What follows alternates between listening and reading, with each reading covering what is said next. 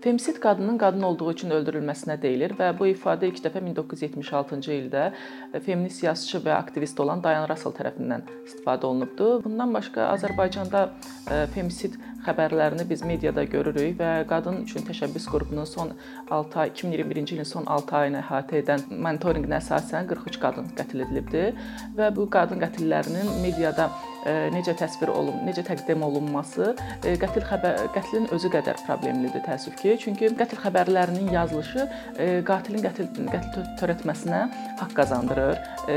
Qətl edilən qadının günahlandırılmasına səbəb olur. Onun ailəsinin diskriminasiyaya məruz qalmasına səbəb olur həmçinin.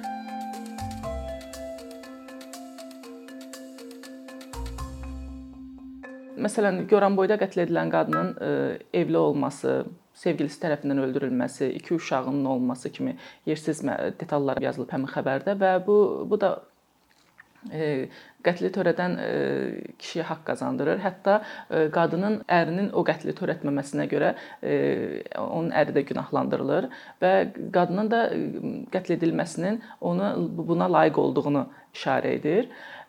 Bundan başqa Qubada da atası tərəfindən öldürülən qadının ailəsindən ayrılması, iki uşağının ərinə verilməsi, e, həmçinin ata, ata evinə geri qayıdıb və oradan da qaçması kimi detallara yer verilməsi onu günahlandırır. Çünki e, Azərbaycan qanunlarından az-çox xəbər olan bilir ki, e, Azərbaycanda boşanma zamanı uşaq anaya verilir əsasən. Yalnız o hallarda ki, qadın əgər içki alüdəçisisə və yaxud da ki, fahişəliklə məşğul olursa, bu zaman uşaq ataya verilir. Uşağın ataya verilməsi cümləsi artıq qadını günahlandırır və onun evdən qaçması ataya haqq qazandır, qatilə yəni ataya haqq qazandırır ki, öz qızını öldürüb.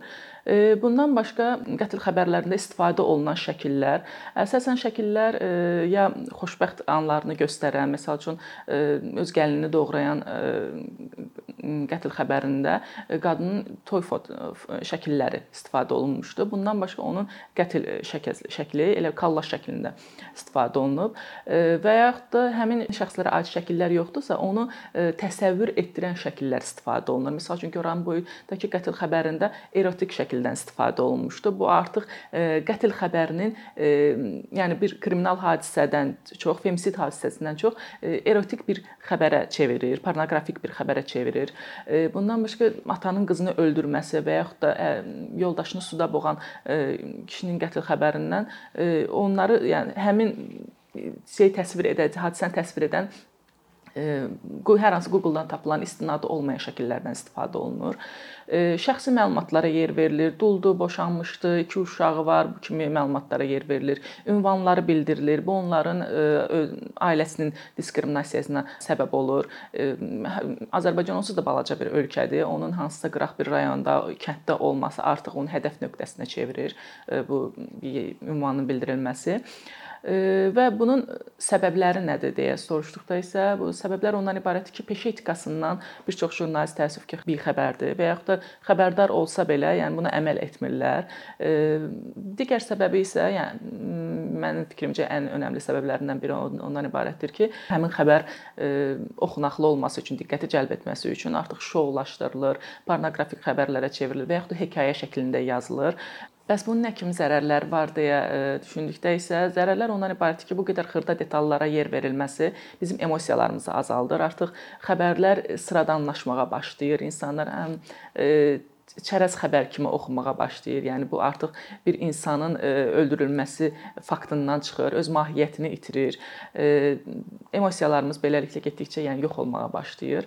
İkinci bir səbəb isə bildiyimiz kimi intihar xəbərləri mediada çox yeri verilmir həmin xəbərlərə. Çünki təşviq edici ola bilər. Yəni psixologiyası həmin dövrdə zəif olan insan intihar eləyə bilər deyə o intihar xəbərlərinə çox yer verilmir. Professor Giritloğlu'nun dediyinə görə qətl xəbərləri də eyni şəkildə yoluxucudur. Çünki o qədər detala yer verilir ki, artıq potensial qatil həmin xəbəri oxuyanda qətli necə törədə biləcəyi haqqında özündə təsəvvür yaradır, bir planlaşdırır planlaşdırma qurur. E, buna görə də yəni həmin xəbərlər mahiyyətini itirir. Yəni problem cəmiyyətin problemidir. Əslində bu bir ailə problemi deyil, bu şəxsi zəmində olan bir problem deyil, bu cəmiyyətin problemidir və bunun mahiyyətini, sistematik mahiyyətini araşdırıb qoymaq lazımdır. Nəinki e, yəni şouya çevirmə ya da hekayə şəklində yazmaq. Dünyada necədir deyə baxdıqda isə BBC və CNN femisid xəbərləri nümunəsində görmək olar ki, burada daha çox yəni detallardan başqa cür istifadə olunur. Belə ki, yəni bir çox mənbədən istifadə olunur. Həm polisdən ifadə alırlar, həm ekspertizadan ifadə alırlar və qəti şəkildə qətli törədən qatil haqqında qatildən ifadə almırlar. Çünki qətli törədən e, öz ifadəsini bildirəcək, amma qətlə məruz qalan özünü ifadə edə bilməyəcək, ya öz fikrini söyləyə bilməyəcək, əsl əsl hadisəni deyə bilməyəcək, özünü müdafiə edə bilməyəcək. Buna görə də qətlin e, qətl törədən şəxsə qətiyyən e, yer verilmir. Amma qətl necə törədilib və qadın haqqları mövqeyindən çıxış edərək həmin xəbər yazılır. Xəbərdə həmin onlar xəbərlərində istifadə etdiyi şəkillər isə xoşbəxt anların, yəni toy şəkilləri, şəkil şəkillər deyil və yaxud da qətl şəkillər deyil. Daha çox selfilərdən, həmin şəxsin selfisindən və yaxud da 3-ün 4 şəklindən istifadə olunur və yaxud da qətl edilən yerin şəkillərindən istifadə olunur və çalışırlar ki, bu xəbərlərdə etik e, kodeksə diqqət yetirsinlər. E, qəti şəkildə qatilə haqq qazandıran ifadələrdən istifadə etməsinlər. Türkiyə nümunəsində isə təəssüf ki, Türkiyədə də e, qətl xəbərləri getdikcə artmaqdadır və buna görə də Türkiyədə Jurnalistlər Birliyi e, bir e, təlimat hazırlayıblar. Qətl xəbəri necə yazılmamalıdır. Və bu qətl xəbərlərində birinci onu deyirlər ki, bu qətl xəbərinə ad qoyun. Ad bu məqsəd ondan ibarətdir ki, qadın qətli, femisid e, adi kriminal hadisə deyil. Buna necə ad qoymaq olar? Fikirləşmək lazımdır ki, eyni had e, eyni şey kişinin başına gəlsəydi, qadın onu qətl edərdimi? Qadını öldürərdimi? Əgər cavab yoxdursa, deməli bu femisiddir və xəbərləri yazarkən ailə münaqişəsi, qısqanclıq, şəxsi münasibətdə e, şəxsi münasibətlər zəminində ailə daxili problemlər kimi qətlin ağırlığını e, yumşaldan ifadələrdən istifadə olunmamalıdır. Çünki bu onun sistematik mahiyyətini itirir. Problemin özülünü aradan qaldırır e, və e, həmçinin qadının şəxsi həyatına, yəni onun dul, boşanmış, uşağının atasında olması və yaxud da sevgilisinin olması kimi yaşayış tərzinə qəti şəkildə yer verilməməlidir. Bundan başqa xəbər yazarkən hekayə şəklində xəbər yazmaq və yaxud da mühakimə eləmək, seksist ifadələrdən istifadə etmək, seksist atalar sözündən istifadə etmək qəti şəkildə olmaz. Şəkillərdən istifadə edərkən qəti şəkildə şəxsin toy şəkillərini, onların xoşbəxt anlarını təsəvvür edən və yaxud da onların qətl edilmiş halını şəkilləri istifadə olunmamalıdır.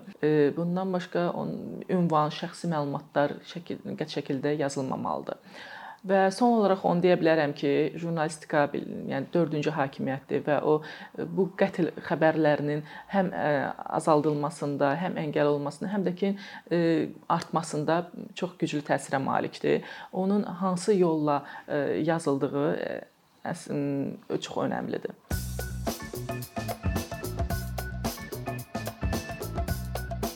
Bir neçə ildir ki, əkinçi olaraq azərbaycanlı izləyicilərin hər zaman faydalana biləcəyi keyfiyyətli və ən əsas ödənişsiz kontent hazırlamağa çalışırıq. İndiyədək təqdim etdiyimiz onlarla animasiya və yüzlərlə çəkilişlər tələbələrin, mütəxəssislərin, müəllimlərin və ümumiyyətlə yeni mövzulardan xəbərdar olmaq istəyən çox sayda insanın marağına səbəb olub.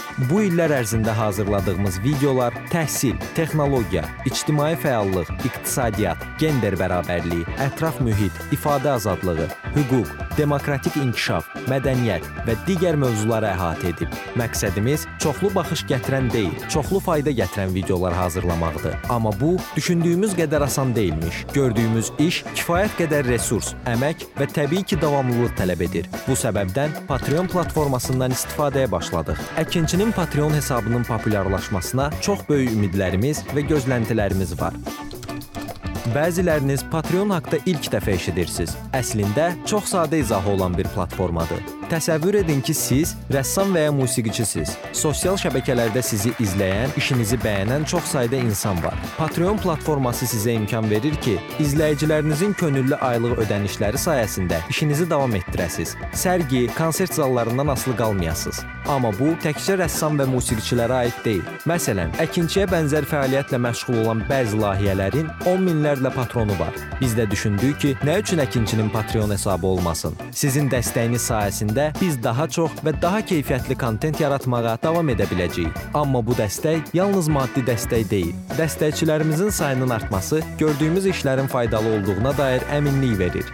Patreon platformasından istifadə çox sadədir. Hesabınızı açırsınız, sizə uyğun dəstək növünü seçirsiniz və Patreon özü hər ayın ilk günü kartınızdan seçdiyiniz dəstək növünə uyğun ödəniş tutur. Bu qədər. Sonda onu demək istəyirik ki, dəstəkçilərin sırasına qoşulmaq istəyən, amma məhdud imkana görə bunu edə bilməyənlər narahat olmasın. Daha öncə dediyimiz kimi, bizim əsas məqsədimiz daha çox insanın hər zaman faydalana biləcəyi keyfiyyətli və ödənişsiz kontentin yaradılmasıdır. Bunun üçün mütləq patronumuz olmalısınız deyə məcburiyyət yoxdur. Amma imkanınız patron olmağa çatırsa və bizim işimizi bəyənirsinizsə, patronlarımızın sırasına qoşulmağınız bizim üçün çox önəmlidir.